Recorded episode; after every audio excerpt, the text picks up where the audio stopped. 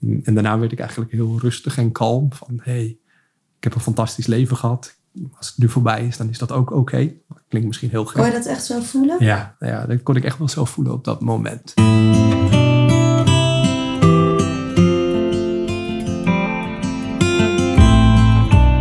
Wat leuk dat je luistert naar de Nieuwe Maan podcast. In deze podcast hoor je levensverhalen over passie en purpose.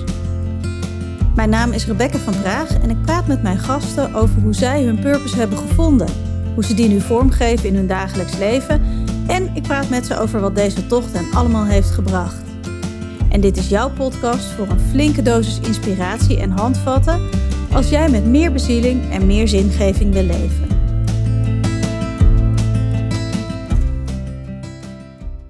Leuk, dankjewel dat ik hier mocht zijn, Daniel. Ja. En uh, ik zit hier bij jou in je huis op je mooie woonboot. Ja.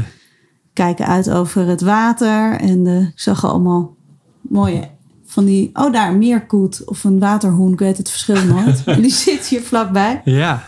hey, um, en ik, ik moest uh, denken vandaag... Ah, van de eerste keer dat ik jou ontmoette was op een een soort masterclass voor, voor, vanuit een business coach. Ja. En uh, nou, zaten volgens mij allemaal onderneemsters, allemaal vrouwen. En jij was er. Uh, en we gingen ook uh, ja, jezelf voorstellen. En jij was op, in een korte broek op blote voeten. ja. Maar wat ik toen heel grappig vond, is dat je, dat je zo relaxed was dat ik wel ook nieuwsgierig was. Dat ik dacht, is die man altijd zo ontspannen? ja. Maar, ja, want, want vertel eens, wat, um, misschien gewoon kort even, wie, wat doe je en wie ben je? Dat zijn al twee we, grote vragen. Ja, dat zijn hele grote vragen. Daar kun je natuurlijk de, de hele podcast uh, mee vullen. Ja, ik ben Daniel Kluke, uh, nu 41 jaar. Ik woon hier inderdaad op Monnikendam op een woonboot. En ja, wie ben ik nog meer? Ik, ik, denk dan altijd, welke labels zou je op me kunnen plakken? Ik ben internationaal coach, ik ben internationaal spreker en trainer op het gebied van, ja, ze noemen het high performance, maar voor mij gaat het eigenlijk over hoe kun je nou zo puur mogelijk mens zijn. Het labeltje naar buiten toe is, gaat over high performance, maar voor mij gaat het echt over, ja, um, hoe, hoe kun je als mens zijn zo dicht mogelijk bij jezelf komen. Want dan ontstaat wat je dan ook onder high performance kunt verstaan, verstaat vanzelf. Daarnaast ben ik ook nog trainerstrainer voor uh, Wim Hof, de ijsman. Ja. Uh, daar heb ik ook mijn sporen, nou ja, de laatste zes, zeven jaar ook in verdiend. Uh, eigenlijk dat Wim bekend werd, heb ik dat zo mee kunnen maken. En ook nou ja, heel veel bijgedragen binnen die community. tegenwoordig dus de trainers opgeleid. En ja, ik voel me eigenlijk heel rijk als ik heel eerlijk ben. Want ik heb met meer dan 40 nationaliteiten in 11 landen mogen werken. En uh, dat klinkt dan aan de ene kant heel stoer, maar wat het mij persoonlijk gebracht heeft, want daar zit natuurlijk voor mij ook een winst in. Daardoor heb ik mezelf ook nog weer beter leren kennen. En ik heb het gevoel dat ik daardoor ook anderen weer beter kan ondersteunen in hun eigen proces. Ja, ja en, en mooi, want je vertelt al, uh, ik denk al allemaal vragen schieten dan door mijn hoofd. Maar laten we beginnen met je zegt van ja, ik, uh, high performance is zo dicht mogelijk bij jezelf zijn. Ja. ja en hoe dicht ben jij bij jezelf nu? ja, je vraagt het echt op een heel mooi jaar. Ik heb uh, een klein stukje context. Ik heb twaalf jaar geleden uh, alles verkocht wat ik had op dat moment. Ik ja. zat toen in het zakenleven. En ik had toen het idee van, nou, heel eerlijk even, heel open en transparant met je. Um, geld, status, een mooie titel op mijn visitekaartje, een mooie auto, een mooie vriendin, uh, appartement, boot, eigenlijk alles. Wat je op dat moment, laten we zeggen, wat we in Nederland met elkaar zeggen, nou, dat is dan het ideale plaatje of het ideale leven. Alleen voor mij voelde dat helemaal niet ideaal. Dat voelde eigenlijk um, ja, leeg. Ik voelde me niet vervuld op dat moment. En ja, door een zoektocht barsten. Maar was je daar toen ook van bewust dat je leeg voelde? Nou, dat is heel confronterend. En dat vind ik een hele mooie vraag. Dat is natuurlijk heel confronterend. Want dan moet je jezelf echt in de spiegel aankijken. En als ik heel eerlijk ben, op dat moment um, was, zat ik nog in zo'n fase van... nou, ik ga naar een psycholoog toe. Ik ga hulp zoeken om in dat mentale proces... om ook zelf ondersteuning te krijgen. Uh, en toen de tijd de psycholoog waar ik mee zat, die zei van... ja, um, hè, dat ligt aan je werk, was eigenlijk de conclusie waar we toe kwamen. En ik dacht, perfect. Dan ligt het dus aan mijn werk. Dan, Ja, dan ligt het niet aan mij. en met alle goede bedoelingen natuurlijk van de psycholoog op dat moment. Maar dat was voor mij heel ideaal. Alleen, ja, je komt er toch achter als je dat eigenlijk dan toch voort laat borduren. Je bent eigenlijk, voor, in mijn geval, ik was een leven aan het leiden wat ik aan het spelen was in plaats van wie ik echt was. En dat was gewoon niet meer houdbaar. Dus op een gegeven moment klapte alles. Nou, kijk, ik maak altijd het grapje. Ik heb alles verkocht, inclusief mijn vriendin. Nou ja, dat is niet helemaal waar, maar we hebben een relatie eh, beëindigd met elkaar. En ik heb alles verkocht wat ik toen had. Eh, en dat is voor natuurlijk een heleboel mensen als je 31 bent eh, eh, een rare bezigheid. Hè, om eigenlijk alles te verkopen en weer bij je ouders te gaan wonen. Oh, want dat, ja. Ja, want ik had niks meer. Ik had mijn baan opgezegd. Ik had ontslag genomen. En dus ik had ook geen vergoeding of zo. Ik had letterlijk even helemaal niks meer. En ik had ook niet meer de energie. Letterlijk, ja, laten we het even levensenergie noemen. Om te kunnen werken op dat moment. Ik had mezelf dusdanig tot een punt de afgrond ingeduwd. Dat ik op een gegeven moment nog maar één uur per nacht aan het slapen was. Met de kleding, mijn gewone dagelijkse kleding. Ik had geen energie meer om me om te kleden. Al letterlijk, als ik heel eerlijk ben, om dat oude leven maar in stand te houden en zo val, ja, daaraan vast te lopen klinken. En dat ja, brak gewoon toen. Mhm. Dus ja, daar heb ik eh, letterlijk wel een jaar eh, herstel nodig gehad om eh, ja, ja, een stukje mezelf weer terug te gaan vinden.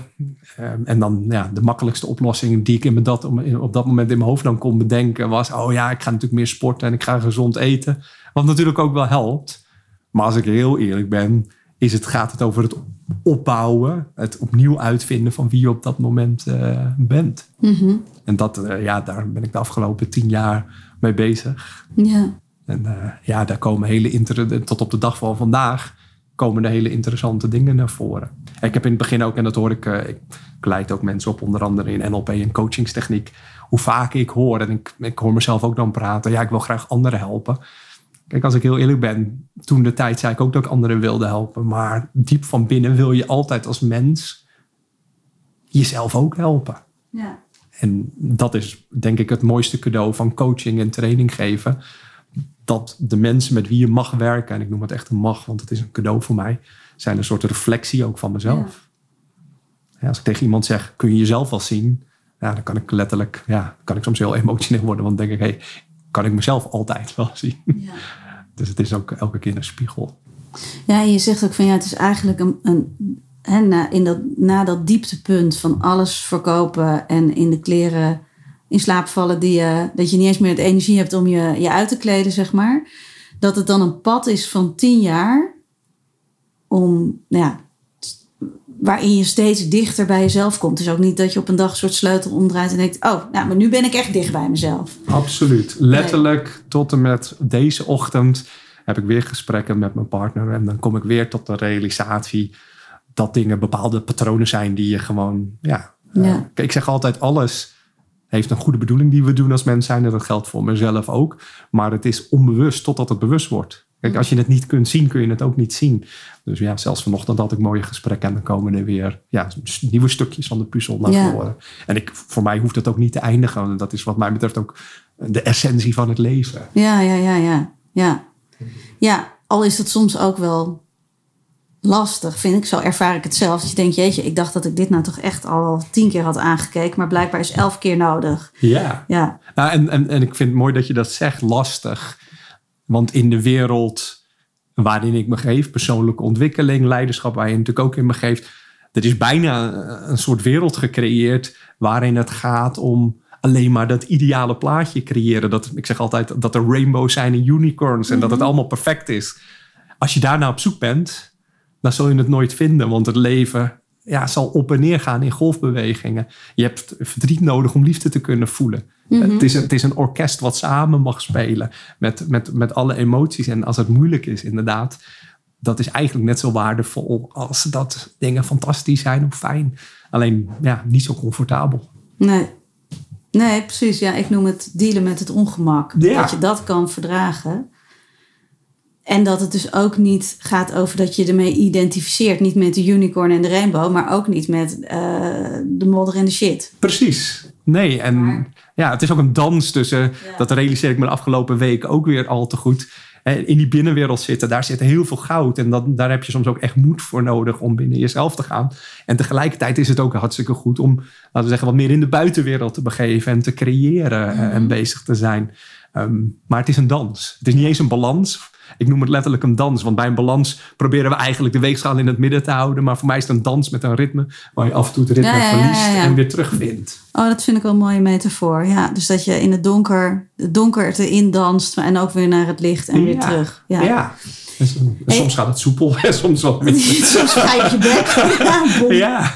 Hey, en, en in die tien jaar, wat, wat zijn voor jou... Hè, want het zijn natuurlijk heleboel ingrediënten die jou uh, hebben gevormd. Maar wat zijn voor jou dan, als je nou zegt, nou dat was echt wel een belangrijke sleutel of een belangrijk ingrediënt in mijn eigen ontwikkeling? Wat is dat dan geweest? Nou, dat, dat, dat is een hele mooie vraag. Als ik dan terugkijk eigenlijk over mijn eigen tijdslijn, als ik dan helemaal terug zou gaan, is ik kreeg letterlijk elke keer op mijn tijdslijn wat ik nodig had op dat moment. En als ik het waarschijnlijk op dit moment laten we zeggen, die methode of die techniek of die coachings. Uh, ja, processen weer in zou gaan, dat ze dit keer helemaal niet zo goed zouden werken. Maar toen ja, was dat dan heel waardevol. En wat voor mij heel veel gebracht heeft, um, eigenlijk ja, zijn twee dingen, denk ik wel, die, die heel erg. Nee, drie dingen. De, drie dingen zijn heel erg naar voren gekomen. Uh, in eerste instantie die, die Wim Hof methode, om in contact te komen met ja, toch eigenlijk als je kijkt bijvoorbeeld naar het ijsbad, mhm. de koude. Ehm, wat, wat ik als man de eerste keer dacht, en misschien hebben vrouwen dat ook, maar ik praat nu echt even vanuit mezelf. Op dat moment, de eerste keer dat ik daar stond, dacht ik, nou, ik ben een man en ik kan dit aan en ik ga dat ijsbad in en ik ga het overwinnen. Nou, letterlijk, ik verloor de eerste keer dat ik dat deed. Want je kunt, de, de elementen van kou zijn sterker dan, dan wie ik als mens ben. Kou zal altijd van me winnen. Dus ik moest leren dat overgeven aan discomfort. Dat ja, dat ik zeggen, dat is volgens mij is het een van de ultieme dealen met het ongemak. Nou ja, in zo'n ijsbad zitten. Ja. Ik heb het één keer gedaan. Ik vond het echt best wel pittig. Het is pittig, het is intens. En in plaats van het proberen te overwinnen, zal je moeten overgeven eraan. En daardoor ga je overwinnen. Nou ja, bij de Wim Hof methode heb je natuurlijk ook het ademwerk. Nou, dat, is de, dat is eigenlijk hetzelfde. Kun je je overgeven aan het proces. Mhm. Dus ja, dat heeft me heel veel gebracht. En ook nog in een tijd dat Wim in Nederland nog helemaal niet zo bekend was. Dus nee, want hoe lang is dat geleden dat je daarmee in aanraking Dat was volgens mij 2014. Dus dat was letterlijk voor... Nou ja, die had net dat grote doorbraakonderzoek gedaan... maar was nog niet eens gepubliceerd op dat moment. Oh dus ik, ja, ik stond letterlijk, was ik in het geluk, noem ik het altijd, voordat dat een doorbraak uh, uh, had. Um, en daarna, even, als je naar die tijdslijn verder kijkt, uh, ik heb een Vipassana meditatie gedaan van tien dagen lang, 100 uur meditatie, non-stop, waarbij je letterlijk als ik de deur voor je open zou houden, je niet eens mag aankijken. ja, wat, wat je daar meemaakt, is als je eigenlijk alle externe input, en dat weten we cognitief, maar op het moment dat we alle externe input buiten gaan sluiten, wat kun je dan binnen jezelf vinden? Nou, dat vond ik eigenlijk wel. Uh, en wat vond je toen? ja. Het, uh, letterlijk de verfijning van mijn zintuigen. Ik zou bijna kunnen zeggen dat je een soort van superheld uh, bent. Want, het goddelijke in jezelf. Ja, maar ook wel. Um, er wordt wel eens gezegd: alles wat je tot je neemt, wat je leest en wat je doet en wat je meemaakt, heeft een invloed op wie je bent als mens. En dat is dan, ik zeg, ik, ik ben altijd heel erg van de persoonlijke ontwikkeling. Dat zijn dan allemaal maar woorden en concepten. Maar wat nou als je dat belichaamt? En als je het over dat principe, concept hebt. Mhm. Ik heb daar wel geleerd dat ehm, die uitspraak letterlijk, nou ja, fysiek waarneembaar was. En, en, en om daar wat meer context of wat meer uitleg aan te geven.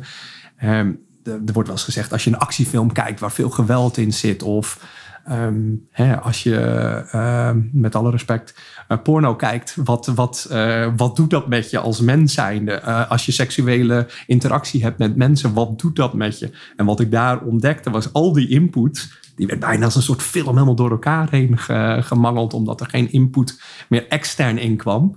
En dan komt het letterlijk van intern omhoog en kom je hele interessante dingen bij jezelf tegen. Ja, dus alles wat, wat je in je hele leven zeg maar, hebt ingenomen aan informatie, omdat het helemaal stil wordt, krijg, komt eruit in een soort nieuwe vorm of in een. Nou, ik, ik noem het een beetje. Ik ben letterlijk op een gegeven moment op dag drie, want ze zeiden dag drie en zes was, uh, dus zou de moeilijkste dag zijn. En weer op dat moment mijn ego zijn. Nou, dat varkentje was ik wel even. het is gewoon even, even stilzitten en mijn mond houden en, en die dingen doen. Dag drie had ik in eerste instantie echt het idee: Mama, kun je me ophalen met de auto? Even gewoon als klein jongetje uh, in me kwam naar voren toe. Maar ik ben ook wel toen naar de leraar gestapt en ik zeg: Joh, ik zeg, het lijkt hier, en, dit is letterlijk wat ik gezegd heb tegen hem. Ik zeg, het lijkt hier wel of ik in de grootste pornofilm van mijn leven zit. Al die seksuele fantasieën die je als puber, als tiener hebt gehad. En ja, interactie gemixt met films die je gewoon als mens hebt gezien. Die is hier als één grote non-stop lopende film. Wat betekent dat eigenlijk voor me? En toen zei hij, en dat principe wat ik net met je deel, van hé hey joh, we hebben hier de poort is gesloten. Je hebt je telefoon ingeleverd. Je mag niet lezen. Je mag niet bewegen. Je mag niet schrijven. Uh, het enige wat je hier mag is tien uur per dag mediteren. Dus je kunt alleen maar naar binnen toe. En alles wat jij al die jaren eigenlijk gedaan hebt, wordt hier tot een mingelmoes. Uh, wordt eigenlijk schoongemaakt. Uh, gepurged zou je bijna kunnen zeggen. Ja.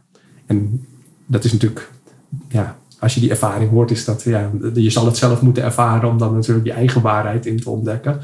maar ik vond het een van de meest uh, ja, bekrachtigende ervaringen die ik als mens ooit heb mogen meemaken. En dat heeft me heel bewust gemaakt van, hey, alles wat ik doe, alles wat ik tegen mezelf zeg, tegen jou zeg, wat ik lees, wat ik doe, heeft een invloed op wie ik ben als mens. Ja. En ik denk dat de meeste mensen die niet eens zullen delen, maar ja bedoel, als het zo is, dan is het zo. Ja. Ja, het lijkt mij ook, volgens mij heb je daar ook wel, het lijkt mij echt wel heftig. Tien dagen helemaal in stilte. En... Ja. Ik moet wel zeggen dat ik bijna klaar was, want ze hebben dan een soort dag, dag negen geloof ik. En mag je langzaamaan weer beginnen met praten. En ik had echt zoiets van, nou, nu wil ik niet meer praten. Nee? Ik zou heel graag, en ik denk dat het echt heel zwaar is, maar ik zou heel graag de 21 dagen willen doen. Oké, okay, het is echt drie weken. Drie weken lang, ja. Om gewoon Kijk, uiteindelijk. Um, en de mensen die bij mij op één op één coaching komen en zo, die zijn altijd iets naar op iets op zoek. Mhm. Er moet iets bereikt worden. Uh, ik gebruik letterlijk de, de, de, Het gaat over de legende als je met mij zou samenwerken. Vind je legende. Maar de, die legende die wordt vaak buiten jezelf gezocht. we zijn altijd op zoek met het, met het volgende succes of de uh, volgende externe vervulling. Mm maar wat nou als je stopt zoeken en je realiseert dat dat er al is? Ja. Dat je alleen nog mag ontdekken, misschien binnen jezelf, dat, dat, uh, dat het daar te vinden is. Ja. Dat betekent wel dat je de moed moet hebben om naar binnen te gaan in plaats van het volgende zakelijke succes of het volgende wereldrecord neer te zetten. Ja. Dus ja. En uh, ja, de derde waarde, wat, wat me heel veel heeft gebracht op dat moment, uh, was het volgen van een NLP-opleiding. Um, in, in dat hele spelveld is NLP voor mij wel hetgene wat het meest cognitief was, meest hoofdig. Maar vooral qua taal en hoe we eigenlijk onze interne realiteit waargeven, uh, ja, weergeven en creëren. Ja, dat, daar heeft het me heel veel inzicht uh, op gegeven. En met dat inzicht heb ik ook de mogelijkheid gekregen om verantwoordelijkheid te nemen daarvoor. Mm -hmm. In plaats van te zeggen, ja, jij zegt dit tegen me en daardoor ben ik boos of verdrietig. Nee, of, of jij kwetst me. In principe kan niemand je kwetsen. Je kunt wel getriggerd worden. Ja. Hè? Ja, je kiest. Of nou ja, het is niet een per se een keuze, maar je kan. Ja, je, je, je hebt natuurlijk zelf ergens een soort um, regie over wat je, wat je je aantrekt en wat je van je af laat glijden. Precies. Ja. En ik hoef jouw gedrag niet leuk te vinden, maar als ik altijd wel nieuwsgierig kan zijn naar je en kan ontdekken uh, wat nou eigenlijk jouw positieve bedoeling is. En dan kan dat voor mij helemaal niet zo fijn zijn. Alleen al die levenshouding geloof, geloof ik echt oprecht. En, ik, en, vaak als ik je trainingen geef, is daar best wel even wat weerstand tegen. Hè? Dat, dat eigenlijk elk gedrag heeft een positieve intentie. Ik zeg altijd, hey, ja, letterlijk, want dan worden hè, de Tweede Wereldoorlog en dat soort dingen worden erbij gehaald. Of, of uh, um, ja, de oorlog in Rusland en uh, de Oekraïne wordt naar voren gehaald. Maar ik zeg, hey, het gedrag mag je van iemand afkeuren. Je hoeft het niet eens te zijn met het gedrag. Maar als je benieuwd en nieuwsgierig kunt zijn naar wat is nou de positieve bedoeling daarachter voor die persoon zelf, dan kun je in ieder geval empathie en compassie ontwikkelen. En als ik dat in ieder geval kan doen en ik voel me warmer naar jou toe, kunnen we in ieder geval beter met elkaar ja, Ja. En dat is eigenlijk wel een soort levensprincipe wat ik heb aangenomen. Ehm, waardoor het leven niet altijd makkelijk is, maar wel interessanter misschien wel. Mhm. Want ja, als jij bereid bent om letterlijk de binnenwereld van iemand anders te verkennen, kun je ook weer wat over je eigen binnenwereld leren. Ja. En dat ik denk dat wel, als je me vraagt wat is de essentie, dat is voor mij wel echt de essentie waar het om gaat. Ja, mooi. En als je dit zo allemaal vertelt, dan denk ik, jeetje, je hebt echt best wel een deep dive gemaakt in tien jaar tijd. Ja. Van een eh, heel ander, ja, wat, hè, dat heb je al eens eerder beschreven, maar dat, dat leven wat je, wat je had met een, eh, je zat in de sales volgens mij? Ja, ik eh, eh, ben eh, zoveel jaar projectleider geweest en in Ja. de commerciële wereld gezeten. Ook Ja. van alles, ja. dat dat eh, nou, een heel ander, ander stuk van jezelf hebt ontdekt hier. Ja, Ja. en ook en heel eerlijk, en ik nodig mensen daar ook altijd wel in uit. Ik zeg, ehm, ik was altijd positief sceptisch. Dus ik was altijd wel bereid om het te ondergaan en om het te ervaren. Ja. Maar ik had er wel zoiets van, oké, maar wat is nou de onderbouwing erachter? Wat is de wetenschap? En ehm, ja, eigenlijk als je nu drie, drie jaar terug zou gaan in de tijd, zou ik bepaalde dingen die ik nu aanneem als een waarheid en als een oké, zou ik toen hebben gezegd, ja, dat is veel te spiritueel voor mij. Terwijl dat, ja, je krijgt weer een update. Ehm, je ziet het, merkt het bij jezelf en je merkt het bij anderen. Dan denk je, oké, wat is dan sowieso spiritueel? Ik zeg tegenwoordig wel eens, als wij het woord spiritueel gebruiken met elkaar, dan is dat misschien wel iets wat we helemaal niet begrijpen. En daarom noemen we het dan maar spiritueel. Ehm, totdat het een update krijgt en wat, dat, het- dat het acceptabel wordt. En dat je denkt, oh ja, er is toch wel wat in te vinden. Ja, ja of dat het vanuit een soort eh, ja, eh, normen- en waardeset is van, nou, dit, zo, zo, dit, is, dit is normaal en dat is zweverig, gek, raar, pluizig. Precies. Dat.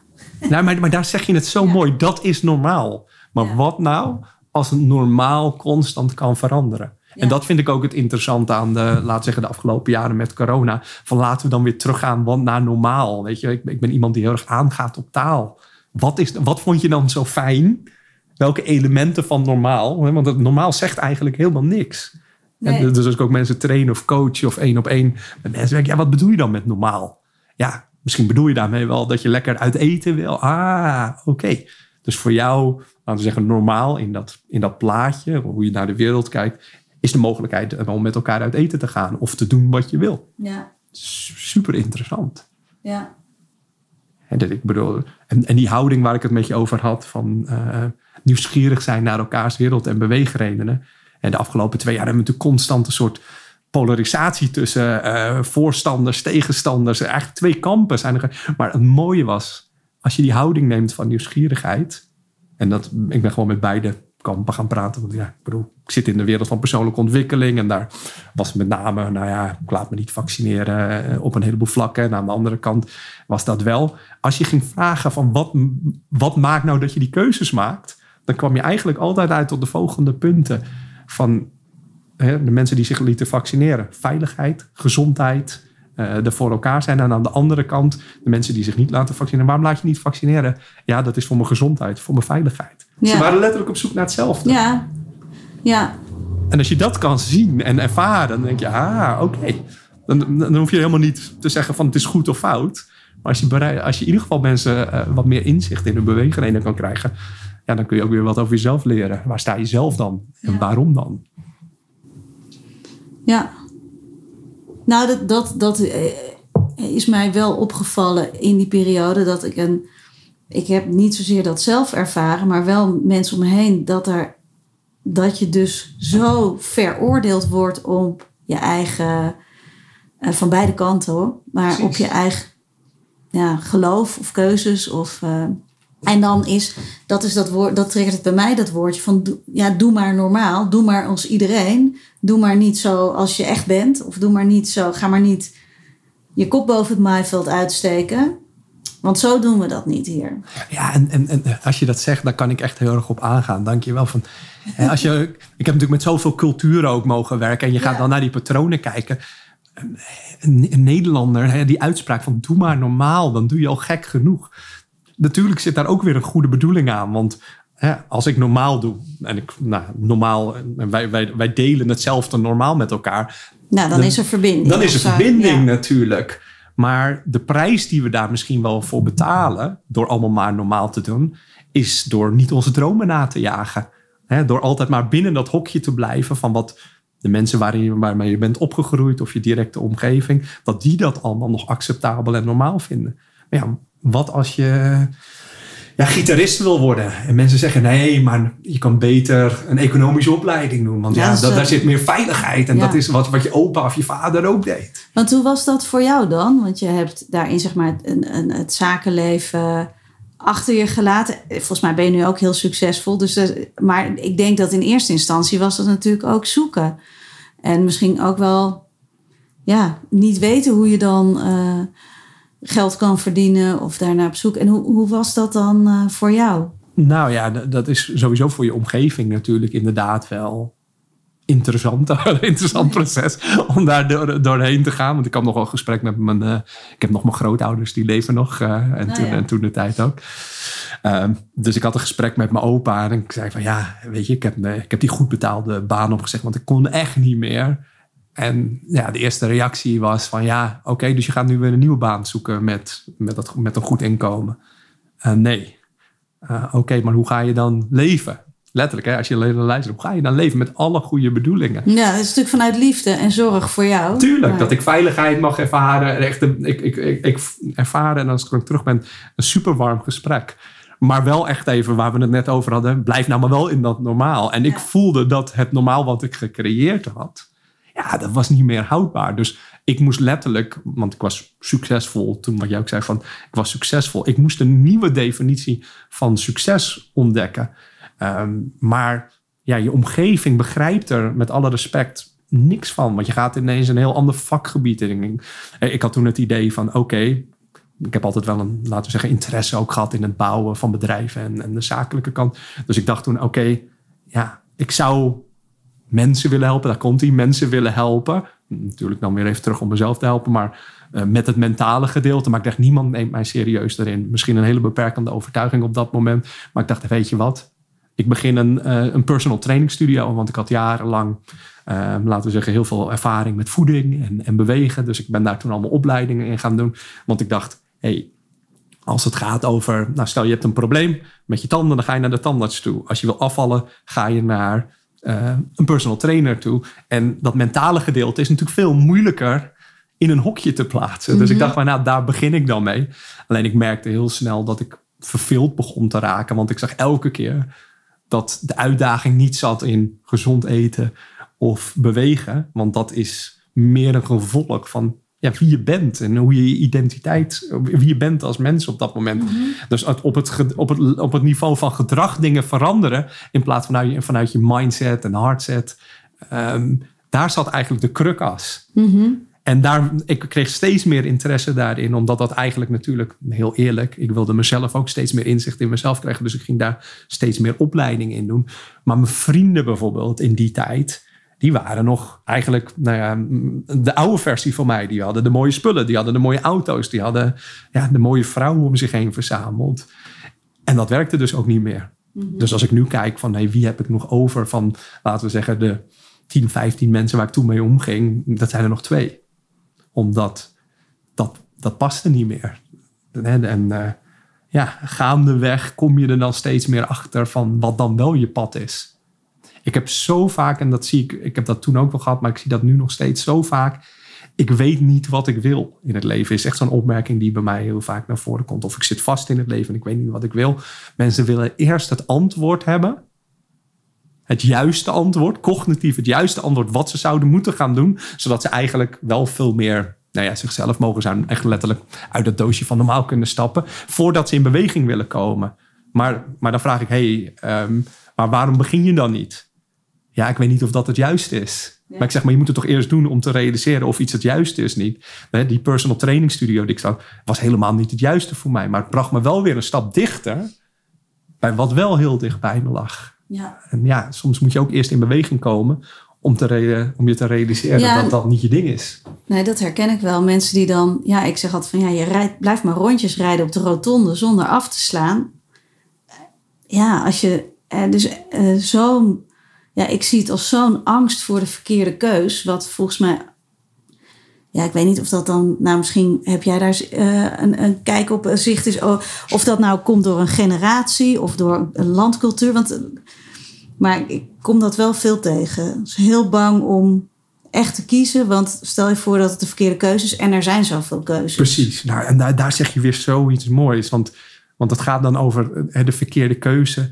En als het dan niet lukt, ja. dan gaan we zeggen, ik ben gefaald. Dus we koppelen het aan wie we zijn als mensen. In plaats van het resultaat is gefaald. Want je hebt iets voor ogen. Of het resultaat is misschien niet wat je voor ogen had. Maar heeft je wel, nou in jouw geval met die personal training studio, je weer op iets anders gebracht. Ja, en, en heel eerlijk. En ik denk dat, eh, eh laten we zeggen, het, het, bang zijn om te falen of die volgende stap te maken is één kant. Ik denk dat als je dan kijkt vanuit het box, even een Nederlandse boxje, uh, is niet alleen altijd de angst om te falen. Maar wat als het wel gaat lukken? Ja, mag je, mag je in je grootsheid stappen. Precies, mag je echt laten zien wie je bent. Ja. En als je dan cultureel gezien kijkt, in Nederland zijn we dus aan de ene kant heel erg bang om te falen. En ik geloof oprecht aan de andere kant om daadwerkelijk die grootsheid te ervaren binnen jezelf. Um, maar als je bijvoorbeeld met Amerikanen praat, als je, he, die hebben heel vaak naast hun baan starten ze een bedrijf. En als het dan niet lukt, dan is het eerder een badge of honor. He, dus eigenlijk van, hey, wat, wat mooi dat het niet gelukt is, wat ga je nu doen?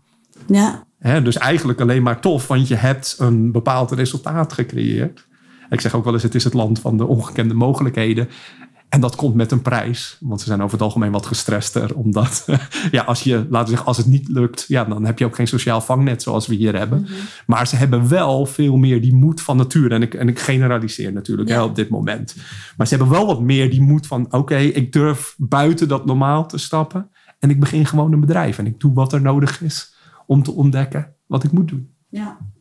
En hier zijn we toch, ja, doe maar normaal, dan doe je al gek genoeg. Terwijl dat ik, en ik denk dat we dat met elkaar delen, dat, dat het geloof is dat, dat we gemaakt zijn om in ons grootsheid te stappen. Ja, zeker. Maar dan heb je aan de ene kant je zenuwstelsel, wat heel erg hard bezig is om nou ja, de status quo, dat normaal maar te handhaven. Dus constant bezig is om controle te houden.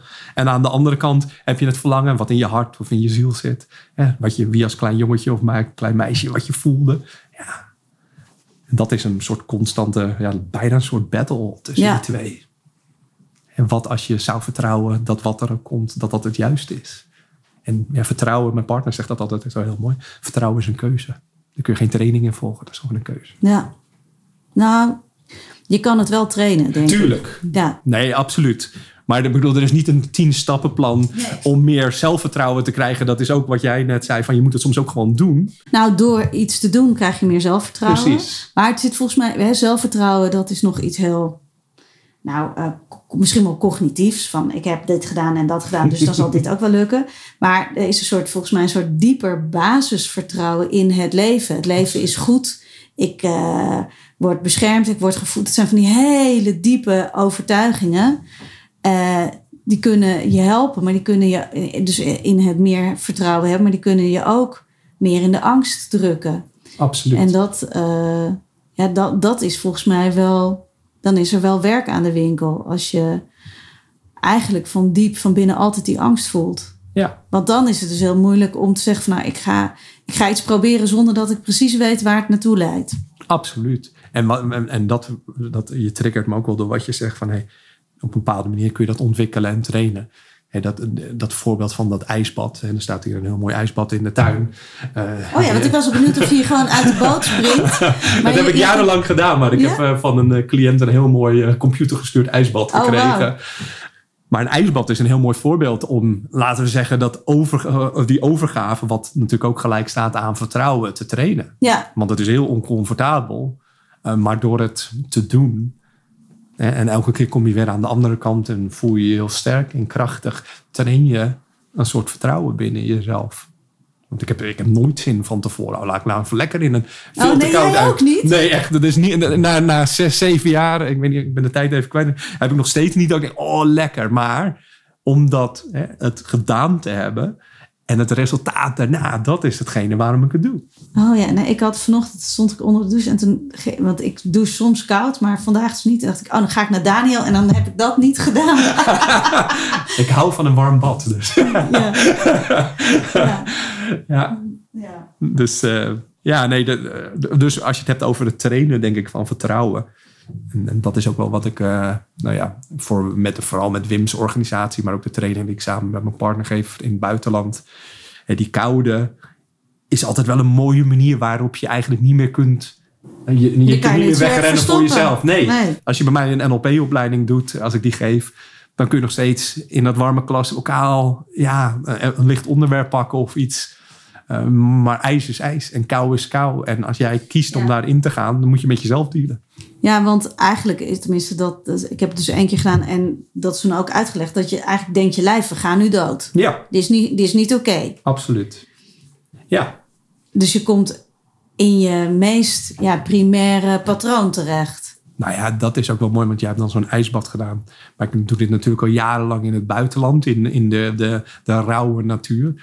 En je kunt ook wel op een bepaalde manier de, laten we zeggen, de diepe basisprogrammering van sommige mensen naar voren zien komen. Want ik heb mensen gehad die letterlijk cirkels bovenop zo'n berg of bij zo'n ijsbad, bij zo'n rivier creëerden om iemand te beschermen. En echt om iemand letterlijk te dragen in veiligheid en warmte en verbinding. En aan de andere kant heb ik ook wel momenten meegemaakt. Waarschijnlijk als ik iemand een mes had gegeven, had iedereen afgemaakt om die kou uit te gaan. Ja. Het is net wie, hoe die basisprogrammering ook in elkaar zit. Hey, en um, ja, je noemde het al, al eerder, maar um, je werkt vooral buiten Nederland, internationaal. Ja. Hoe is dat zo? Hoe ben je daar zo terecht gekomen? Ja, ja dat is.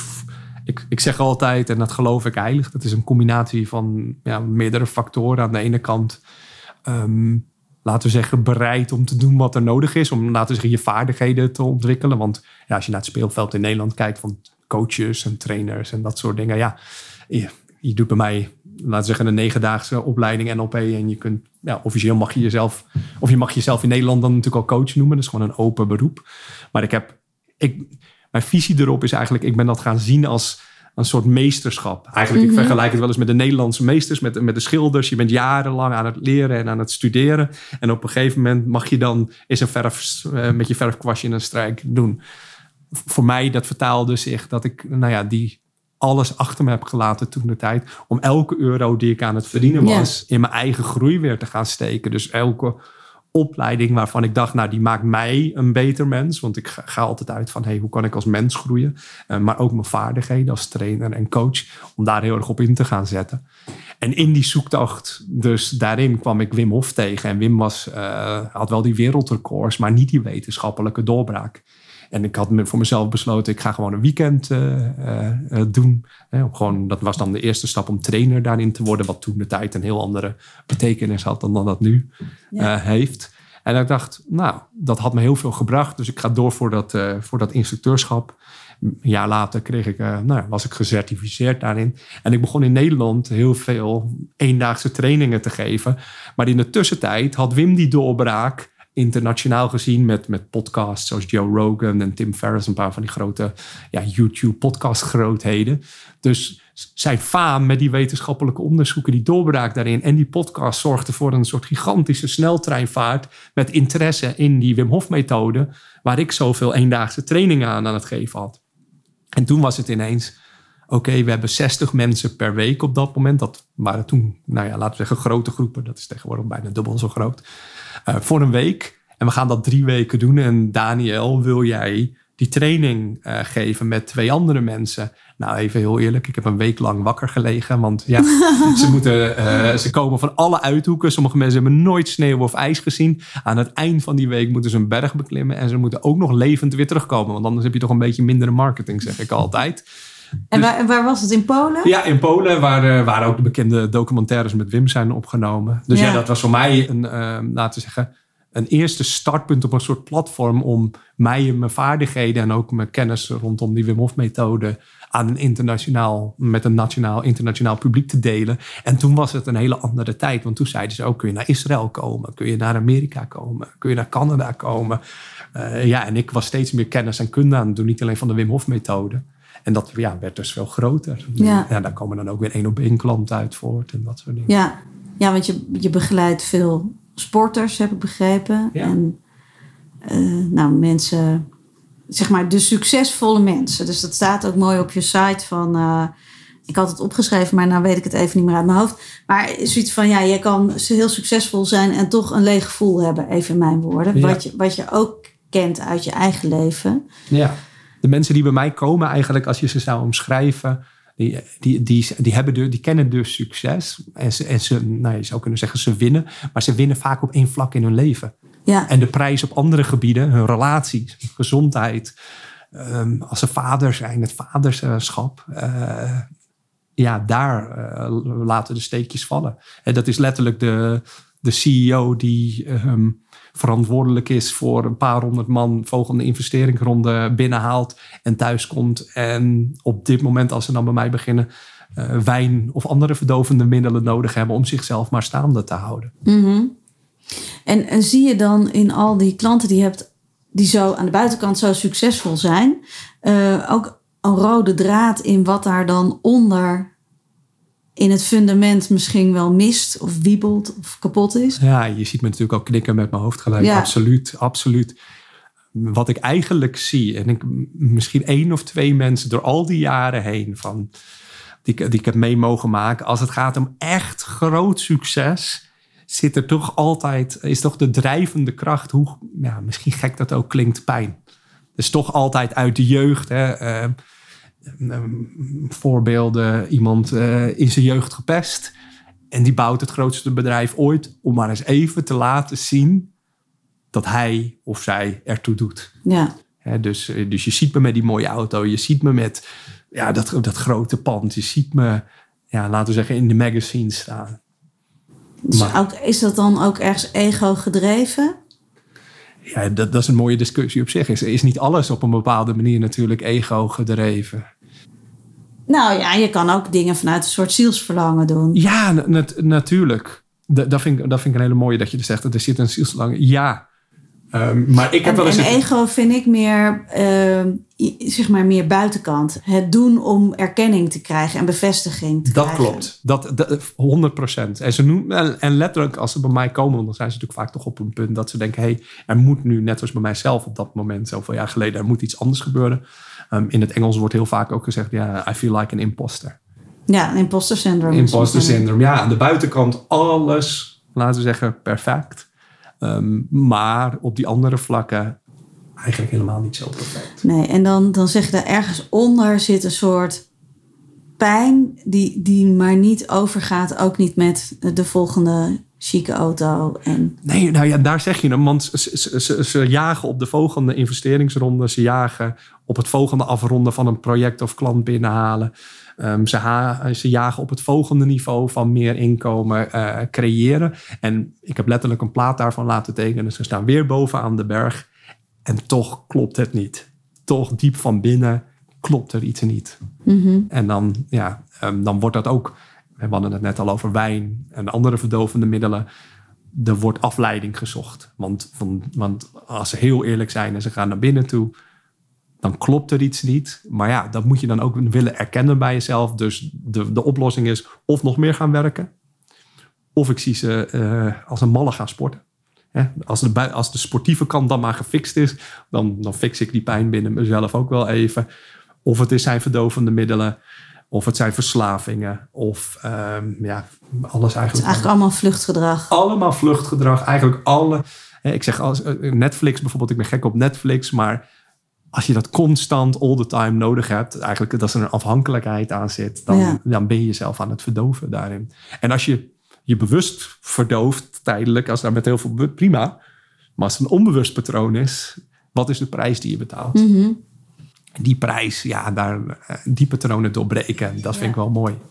Ja, en dan, dan komen we ook weer bij, kan je zijn bij de pijn en het ongemak. Ongemak is dan misschien een beetje te licht woord, want je moet dan echt kunnen zijn bij, nou, die enorme angst. Wat gebeurt er als, nou, wat gebeurt er dan als iemand mij afkeurt? En kan ik dan nog van mezelf houden? Want dat is volgens mij, Ja, ja maar, De daar, maar daar, pak je, daar pak je inderdaad, ja, dat, ja, we lachen allebei erom. ja, maar dat is inderdaad de essentie. Alleen, en, en dat zie je natuurlijk eh, dat ook niet op mijn website. Dat is, eh, dat, vooral voor mannen, als ik even heel eerlijk ben. En dat, dat, is, dat is ook wel echt mijn missie. Daarom ben ik ook uiteindelijk wat meer op mannen gaan richten. Dat, dat eh, en meer van jezelf gaan houden.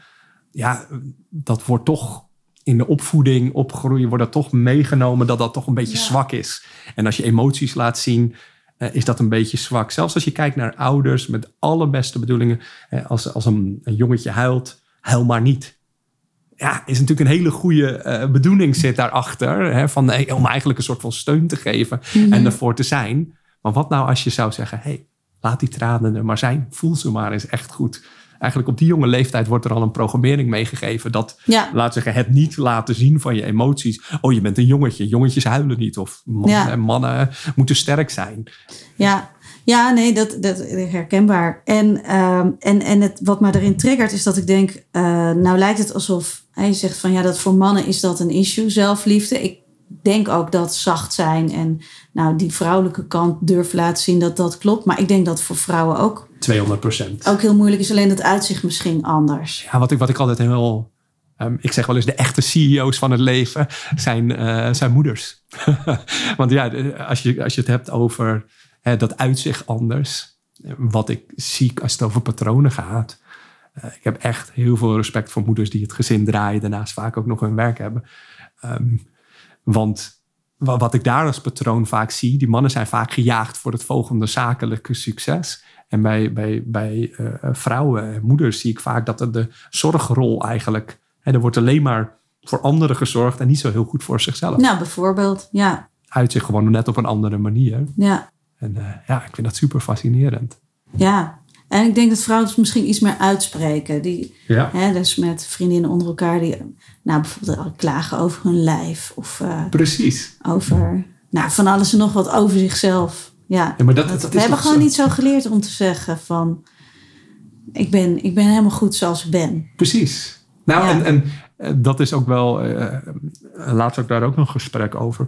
We creëren vaak, ook als mensen eh, voor coaching of mentorschap of training, of ook misschien ook bij jou komen van, ehm, er wordt vaak een soort beeld gecreëerd dat, dat waar je nu bent, dat dat niet goed is. En dat je ehm, eerst ergens anders moet komen voordat je goed genoeg mag zijn. Hè? Dus hè, je, je- dat zou, zou ik als coach letterlijk kunnen gebruiken. Want je komt bij mij en dan gaan we daarheen en dan ben je goed genoeg. Maar wat nou als we het startpunt veranderen? Heb ik laatst eens een podcast over opgenomen. Wat als we nou gewoon eens met elkaar gaan zeggen... je bent als mens zijnde al helemaal goed genoeg. Als je, als je vanuit dat startpunt gaat werken... is het dan niet zo dat we onszelf, laten we zeggen... wat minder stress gaan opleggen? Want wat, als we nu zeggen, wij zijn, je bent gewoon goed genoeg zoals je bent... En ja, er kunnen dingen beter. En ja, je kunt groeien. En ja, je kunt nieuwe dingen bij jezelf ontdekken. Maar laten we, als we de spelregels eens met elkaar zouden herschrijven, dat je als mens al helemaal goed genoeg bent zoals je bent. Wordt, wordt alles een stukje makkelijker, geloof ik oprecht. Ja, alleen ik, ik, ik denk, en dat geldt ook voor mijzelf, dat het niet altijd heel makkelijk is om dat ook echt te geloven.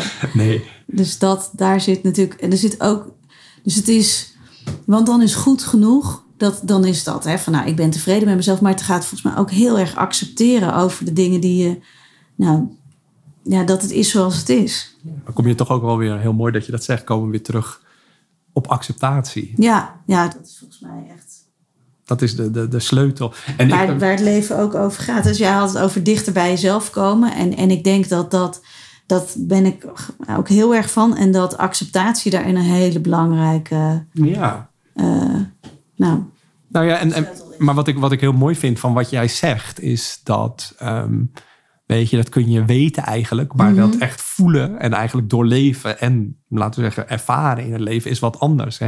En je zit hier bij mij op de boot en je ziet een boekenkast vol staan met boeken over persoonlijke ontwikkeling. ja, ze staan heel mooi op kleur. Ja, dan mag dat je viel me meteen op. dan mag je mijn partner eh, voor een me vriendin danken. gedaan. Ja. Ja. Ehm, maar veel mensen met wie ik mag werken, die zitten al wat langer in persoonlijke ontwikkeling, hebben al de boeken gelezen en hebben de cursussen gedaan. En dan krijg ik heel vaak de opmerking, en misschien herken je dat zelf ook wel. Ja, ik weet het wel. Ik zeg, ja, dat is mooi dat je het weet. Ja, maar voel je het Maar ook? kun je het ook voelen? En ga je het ook echt belichamen? Ja, En dan zie je ineens, eh, ja, dan moet ik even over nadenken. Nee, daar moet je niet over nadenken. Dat is een keuze. Ga je dat doen? Ja of nee? En dan, ja, natuurlijk wat zwart-wit nu even. Ehm, maar kennis is niet het probleem. Het, niet, en integratie is ook niet eens het probleem. Maar letterlijk daadwerkelijk leven van die kennis, wanneer het er echt toe doet. Daar zit natuurlijk de mooiste, daar is, daar is het goud te behalen. en waarom is dat dan zo moeilijk? Omdat, en dit is visie wat je eigenlijk aan me vraagt, waar ik daar tegenaan kijk. Ja. als mensen zijn we van nature, zijn we weer terug bij eigenlijk die status quo handhaven, die normaal. Ja. Letterlijk op, op de laag van wie we zijn als mens, willen we alles hetzelfde houden. Want ja, wij kennen elkaar in een bepaalde context. Als ik nu iets heel anders ga doen, dan heb jij misschien wel een mening over me. Dan is de verbinding verbroken. En ik geloof letterlijk vanuit een evolutionair oogpunt dat als onze identiteit, hoe we onszelf zien, hoe we onszelf gedragen, wat we doen, waar we zijn, als dat gaat veranderen, dan heeft dat een invloed op onze omgeving. En dat betekent, hè, nu weer even terug naar dat zenuwstelsel en dat verlangen vanuit je hart en je ziel, daar gaat dan eigenlijk spanning gaat daar plaatsvinden. En mijn partner en ik hebben het vaak over, soms moet je eerst voor een deel doodgaan, sterven, voordat, je, voordat het nieuwe gedeelte binnen jezelf geboren kan worden. En dat is een heel pijnlijk proces. En ben je bereid ook om met dat discomfort om te gaan? Ja. En dat is, nou, als ik dat zeg, dan voel ik dat nou, letterlijk zelf ook wel. Dat is heel. Ja, want je vertelde ook dat je nu een, een interessant jaar, of ik weet niet meer welk woord je gebruikt, maar een intens jaar hebt waar je ook in een verandering zit. Ja. Wil- Kan je daar iets over vertellen? Ja. Wil, wil je dat? ja, dat wil ik zeker wel. Dat is wel ehm, ja, heel persoonlijk en ook heel, eigenlijk eh, ook wel heel emotioneel. Maar waar, waar, ik, waar je dan toch weer, ehm, waar ik dan deels voor zelf weer achter kom, is dat ik ook bepaalde patronen, waar ik 10, 12 jaar geleden in zat, die hebben eigenlijk andere kleding aangedaan, een ander jasje, maar ze zijn er nog steeds. Ze uiten zichzelf anders. En in de, waar ik de afgelopen week dan toch weer sterk achter kom, is dat het succes. hè, Je zegt van je bent succesvol. Ja, ik, ik heb succes gecreëerd in naam en, en financiën, et cetera.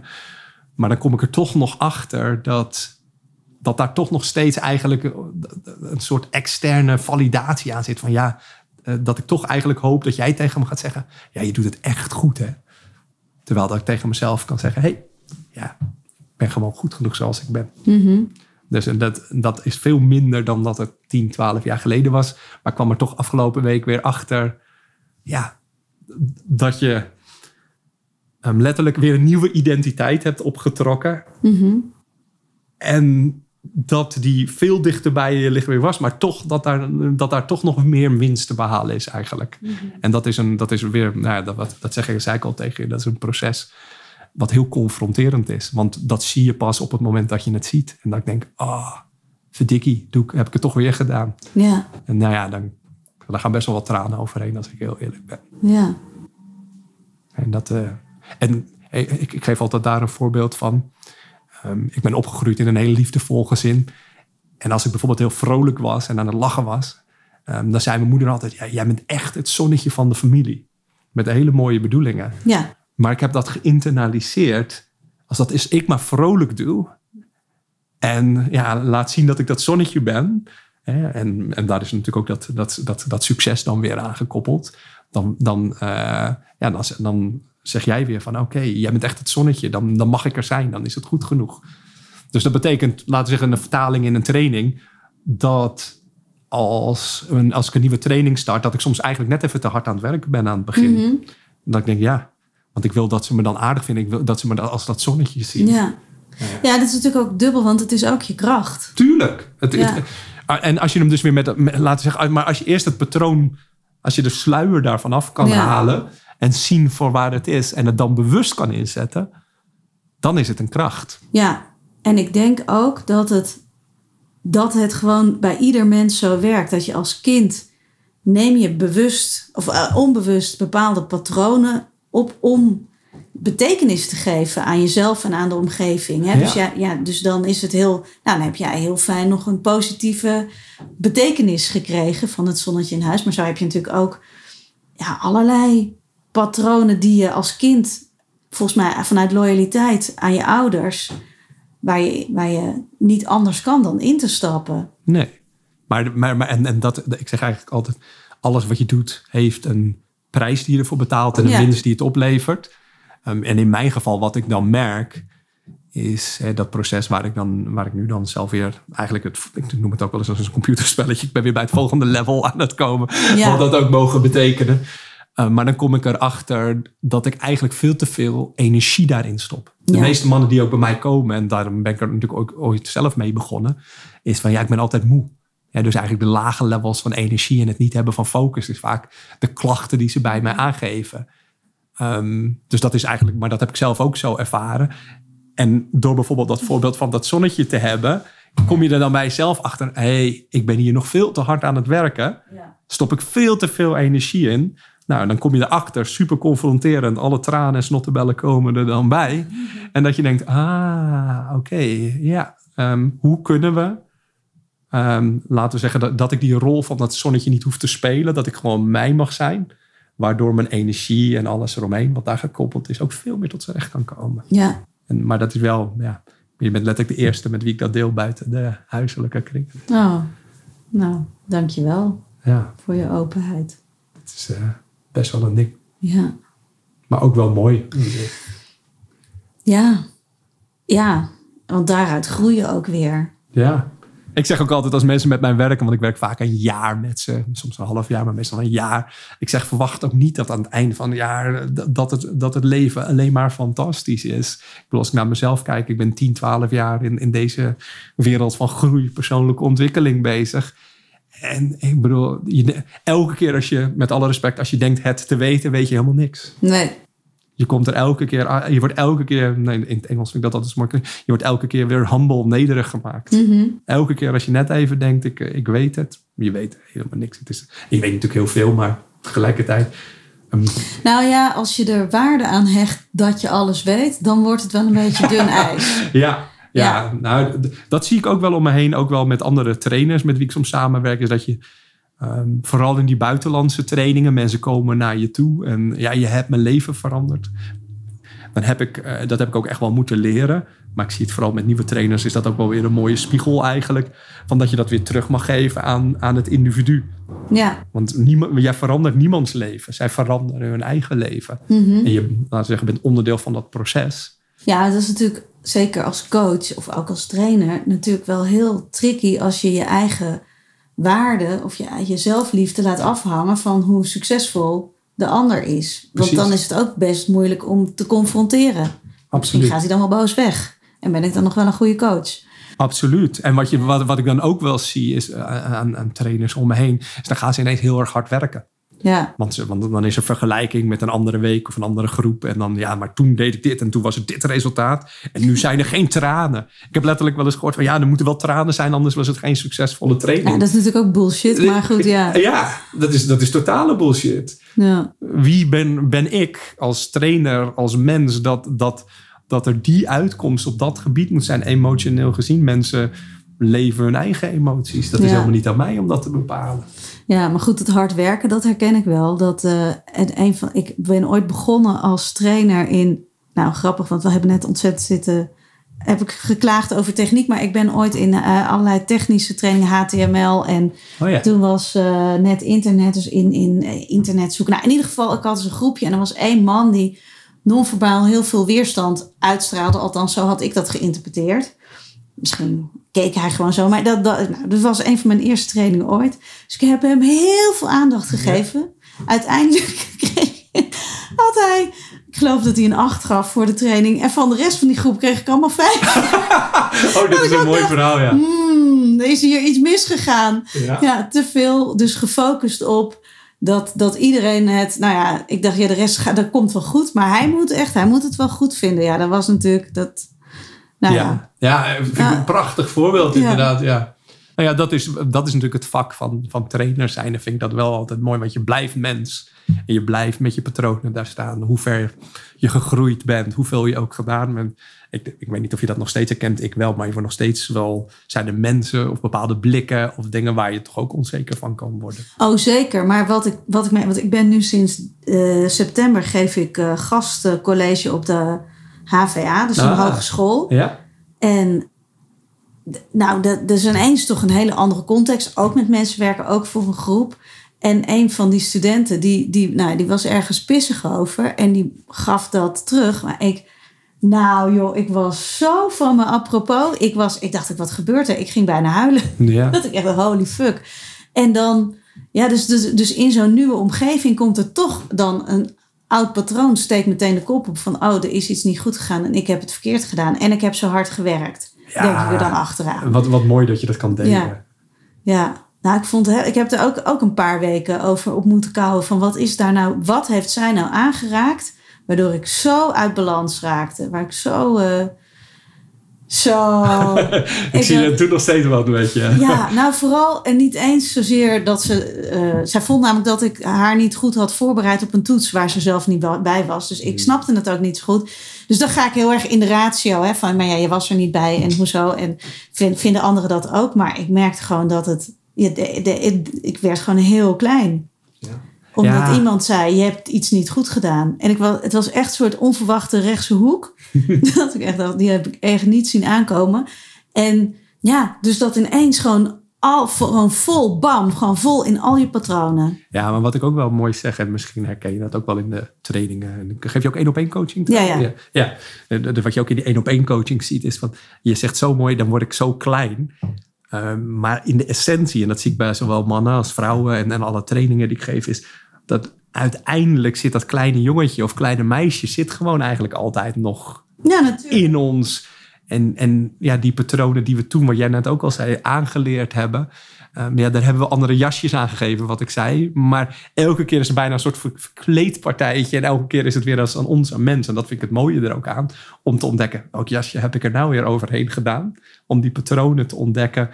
En laten we zeggen, te beïnvloeden. Ja, en wat, wat je ook mooi zegt hè, met dat innerlijk kind, dat, dat eigenlijk had ik gewoon een meisje die gewoon heel erg geschrokken was Precies. dat iemand het niet goed vond. En, en dan heb ik een volwassene die kan denken, nou ja, dat is een. Hè, eh, ja, zo is het nou eenmaal jammer voor je als student. Dat, hè, ja, you win some, you lose some en eh, niks aan de hand verder. Nee, maar dat is Maar- ook, eh, weet je, waar, je, waar we het net over hadden, over mijn eigen proces, is dat kleine jongetje. Dat wil Ja. gewoon nog steeds gezien worden. Eh, En, eh, ehm, maar de vraag is, kun je inderdaad jezelf dan zien daarin? En kun je dat kleine jongetje of dat kleine meisje, ehm, wat jij zo mooi zegt, als ouder geven wat het nodig heeft? Ja. Ja, dat, dat is, dat, ja, Ja, en dus ook daarin mildheid dat het gebeurd is. En niet boos van, ja, nou heb ik bijna staan janken. En ja, eh, ik moet eh, cursussen volgen. Hoe kan ik lesgeven? Dat slaat natuurlijk nergens op. Maar eh, nou ja, dat ging... of, nou, in ieder geval, er gebeurt dan van alles op mentaal niveau. ja. Het eigenlijk gaat over, oké, kan ik zijn... Kan ik nu ook zijn met het ongemak, met het Precies. verdriet? En, En net zoals jij, dan kun je jarenlange ervaring hebben en Ja. skills en alle trainersopleiding gedaan hebben. En uiteindelijk heb je toch dat kleine jongetje of dat kleine meisje ja, die geraakt kan worden. En ik vind dat, ehm, ja, dat, ra- nou dat raakt mij ook altijd als mens zijn. Dat ik dat bij mezelf merk of bij de mensen met wie ik werk. Dat ik denk, wauw. Ja. ja, Ja, dus, dus ik vraag dan aan, eh, aan moeders eigenlijk van je hebt een bepaalde nou ja, set van regels die jij je kinderen Ja. meegeeft. En maar wat goed is en wat niet goed is. Gebruik je dan ook dezelfde regels voor jezelf? Nee, nee, nee. Ik zeg oké, wa- waarom niet? Of wat, wat doe je dan wel voor jezelf? Ja, ik ben veel strenger op mezelf. Oké, maar waarom ben jij veel strenger op jezelf dan dat je voor je kinderen wil? Ik zeg, wat, wat wil je voor je kinderen? Ja, dat ze mooie mensen worden. Dat ze, dat ze vrijheid mogen ervaren. Dat ze speelsheid mogen zijn. Oké, maar is dat niet wat je jezelf ook wil geven? Nou, dan zie je vaak even Ja, kortsluiting. en als je het niet aan jezelf kan geven, dan ben je natuurlijk ook niet. De kinderen die pakken meer non-verbaal op dan verbaal. Dus dat heeft helemaal geen zin. Ja, ik zie moet lachen, want ik doe- ben een beetje andersom. Dat ik bijvoorbeeld toen ze, mijn kinderen klein waren heel streng was op gezond eten. Ja. En dan stond ik even biecht, de biechtstoel stond ik stiekem met mijn kop in de om dan chips te eten. en dan hoorde ik zo vanuit de kamer, mama, eet jij chips? Eh, wij willen ook chips. ja. Nee, je moet gezond dus dat- zijn. ja, ja, dus ehm, dat, ja, het is een enorme spiegel in Ja. wat, wat, vind- ja, wat zeg je dat je belangrijk vindt en wat, wat laat je werkelijk zien. Nou ja, en als je het dan hebt over leiderschap, hè, en Ja. persoonlijk, is dat dan niet de essentie van leiderschap? Begint dat niet al gewoon thuis? Ja, in plaats van binnen een bedrijf of wherever. Hè, van hoe, welke regels heb jij voor jezelf gecreëerd? En dat klinkt heel cognitief en dat is wat mij betreft ook een constant ontdekkingsproces. Maar welke regels en welke spelregels, welke programmering, waar leef jij je leven bij? En wat geef je dan eigenlijk aan je kinderen? Ja, ja of aan je team of je collega's of Precies. de buurvrouw. Of, Ik heb heel vaak, en dat zie ik ook wel ehm, met zowel eh, gewoon leiders, mannen, vrouwen, die hebben het er dan over van ja, we zijn open en we zijn transparant en we mogen eerlijk met elkaar zijn en we, emoties zijn hier ook allemaal welkom. En, en dan hoor je ze praten. Ik zeg, maar, maar dat doe je zelf dan toch helemaal niet? En dan wordt het stil. Ja, ik zeg dat, maar ik hoorde je net zeggen dat dat jullie cultuur is en dat dat belangrijk is. Ja, oké, maar als jij het niet doet, kunnen die mensen dat dan doen? Mhm. En dan worden ze heel stil vaak. Hoe kun je dat verwachten? Ja, Het begint toch uiteindelijk bij jezelf. ja, Ik denk, denk, ik denk ook wel, en mensen vragen, of als ik aan het einde van een training nu ben, dan, en dan bedank ik de mensen altijd, maar dan zeg ik eigenlijk wat we met elkaar creëren, is dat er een soort ripple effect ontstaat. Want ik heb, laten we zeggen, mensen hebben mij beïnvloed en ik heb mensen beïnvloed, want als we interactie met elkaar hebben, zijn we elkaar aan het beïnvloeden. Uh, maar zij gaan de wereld in en nou ja, delen de ervaringen en de verhalen met de mensen om zich heen. En wat zij met mij hebben gedeeld, gaat weer naar de volgende groep. En ik vind dat zo'n prachtige ja, wisselwerking eigenlijk. Mhm. Daarom praat ik altijd over de legende. En de legendes van de mensen gaat eigenlijk weer naar de volgende groep en verrijkt mij als mens. ja. Mooi. Mooi leven. hey, en is er voor jou zelf een, heb je nog een, een verlangen waar je naartoe zou willen groeien of werken? Ja, met deze vraag breng je een heel mooi verhaal naar voren. Uh, vorig jaar was ik een training aan het geven in het buitenland. Uh, Ja. En ja, daar is toch altijd even met alle respect, de show must go on. Mensen vliegen van de hele wereld in. En ik werd ziek op dat moment. Ja, Ik eh, kreeg corona te pakken en eh, ja, ik had 40 graden koorts, maar dat moest toch even doorgaan. Dus ik dacht, nou, ik kan nog wel even. eh, ik neem nooit pillen of aspirine en ik leefde altijd gezond, maar ja, ik moest door. Dus even wat aspirines erin en ik ben doorgegaan. En ik ben eh, uiteindelijk thuisgekomen en in het ziekenhuis eh, beland. oh, En voordat ik naar het ziekenhuis ging, toen zei de dokter tegen mij: Dit is echt niet goed. Met een gezichtsuitdrukking. En ik lees mensen, dat is natuurlijk deel van mijn werk. Met een gezichtsuitdrukking dat ik dacht: Oeh, dat is interessant. Die had ik niet zien aankomen. Dit is echt niet goed. En toen is echt letterlijk even mijn leven aan me voorbij geflitst. Echt in eerste instantie even heel eerlijk 20 minuten een soort van paniek. Dat ik dacht: Oh, wauw, eh, is dit dan het einde? En, en daarna werd ik eigenlijk heel rustig en kalm. Van hey, ik heb een fantastisch leven gehad. Als het nu voorbij is, dan is dat ook oké. Klinkt misschien heel kon je gek. dat echt zo voelen? Ja, ja, dat kon ik echt wel zo voelen op dat moment. Want ik, ja, ik heb de afgelopen 10, 12 jaar zoveel mooie dingen mogen meemaken. Dat ja, qua ervaring intern voel ik me zo rijk. Dus er kwam een soort rust over me heen. Maar ik merk wel dat het door de, eigenlijk de rest van het jaar. ehm, ik ben letterlijk weer opnieuw aan het bijsturen, aan het bijschaven. Ik heb geen, laten we zeggen, de.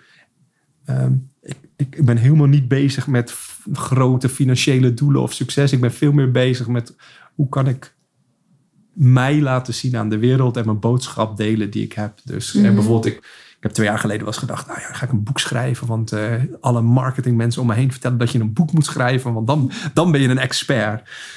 Nu denk ik, hey, ik zou wel een boek willen schrijven, maar als ik dat dan doe, dan doe ik het helemaal niet meer voor de marketing of het succes. Dan wil ik gewoon mijn boodschap delen. En ik ben veel meer daarmee bezig. Hoe kan ik gewoon stukjes informatie, content delen? En natuurlijk, ja, als iemand dat mooi vindt, dan blijft dat kleine jongetje in mij altijd heel blij als je dat tegen me zegt. Mhm. Maar ja, gewoon omdat ik het wil doen, in plaats van dat een ander zegt dat ik het moet doen of vindt dat ik het moet doen. Ja. Dus ja, mijn leven is eh, eigenlijk in een jaar tijd echt heel anders weer geworden. En, en, en dat is begonnen met die, ehm, met die ziekte. Dat je ziek werd en dat het zo spannend was. Ja, ja. En, ik had toen, en, en eh, wat er toen gebeurde was, ik, eh, ik ben dan nee, helemaal niet lang hoor. Ik ben twee dagen in het ziekenhuis beland en dat ging daarna allemaal weer prima. Maar ik stond drie weken later ongeveer weer in het buitenland training te geven. En toen brak eh, daar een uitbraak uit eh, op dat moment. eh, en toen ja, moest die training afgebroken worden. Dus er was weer spanning. Dus het was spanning op spanning op spanning. Ja, en ik zeg altijd, een diamant komt naar voren als er druk opgezet wordt. Nou, ik heb echt wel even mijn portie druk mogen meemaken dit jaar. Ja, en dat betekent dat, dat je letterlijk met een andere bril weer naar de dingen gaat kijken. En daar ben ik heel dankbaar voor. Maar het is, ja, ik zeg altijd, is, eh, voor mij is het een dirty job. Ja. Met heel veel mooie kanten eraan. ja. Hey, en, en die boodschap die je dan eh, zo graag, of die je de wereld in wil brengen, kan je die in een paar zinnen. Ja, nou, je, je ziet me beginnen te lachen. Ja. ik denk dat het terugkomt voor mij op dat kleine jongetje en dat kleine meisje, eh, wat allemaal binnen ons zit. Dat Ja. we die gewoon met de wereld mogen delen.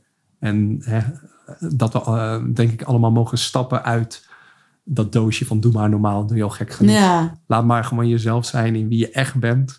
Eh, en dat klinkt heel makkelijk en dat is helemaal niet zo makkelijk, maar dat is wel iets waar ik ja, mensen in ga uitnodigen. ik heb nog wat voor je meegenomen.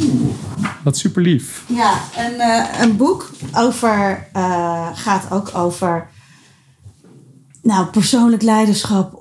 Eigenlijk, nou, ik kan bijna niet zeggen van omgaan met het ongemak, want het, daar is het veel en veel en veel te groot voor. Maar het gaat wel over hoe ehm, ja, vind- blijf je de, de levensvonk in jezelf voelen onder hele, hele zware omstandigheden. En voor mij lief. is het een ja, soort hele grote inspirator. Ik weet niet of je het kent. Nee? Nou, het is van Viktor Frankl, De Zin van het Bestaan. Ah, ja, ja. Nee, die Ja. Victor Frankl ken ik wel. Ja, ik, Oh ja. Mooi. Ja, nou, Dankjewel. Super fijn. veel plezier ermee. Ja. En, en dank je wel voor je, voor je tijd. Super.